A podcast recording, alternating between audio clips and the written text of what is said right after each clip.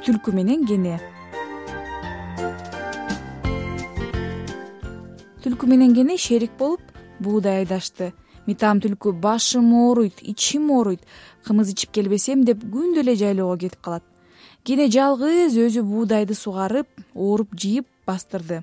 Бир күнү түлкү үйүлгөн кызылды көрүп ичинен кымыңдап кенени алдап эгинди бүт өзү алыш үчүн кене муну бөлүп убара болбойлу. Андан көрө жарышалы да кимибиз чыксак ошонубуз буудайды бүт алалы. Артта калганыбыз куру калалы деп кенени алдагысы келди. Кене ойлонуп туруп түлкүнүн айтканына көндү. Жарышуу жерге барып экөө катар турду. Түлкү кеттик деди да куйругун көтөрүп кулагын жапырып чуркаган бойдон жөнөдү. Кене болсо чап түлкүнүн куйругуна жармашты. Түлкү кырмандын четине келип кене кайда келе жатат деп артын карайт карап анан токтой калып силкингенде кене ыргып түшүп үйүлгөн кызылдын үстүнө чыгып сен эмне карап турасың? деп кыйкырды. Түлкү чочуп кетип а сен качан келдиң? Сени күтө берип ээригип кеттим деди кене шек алдырбай.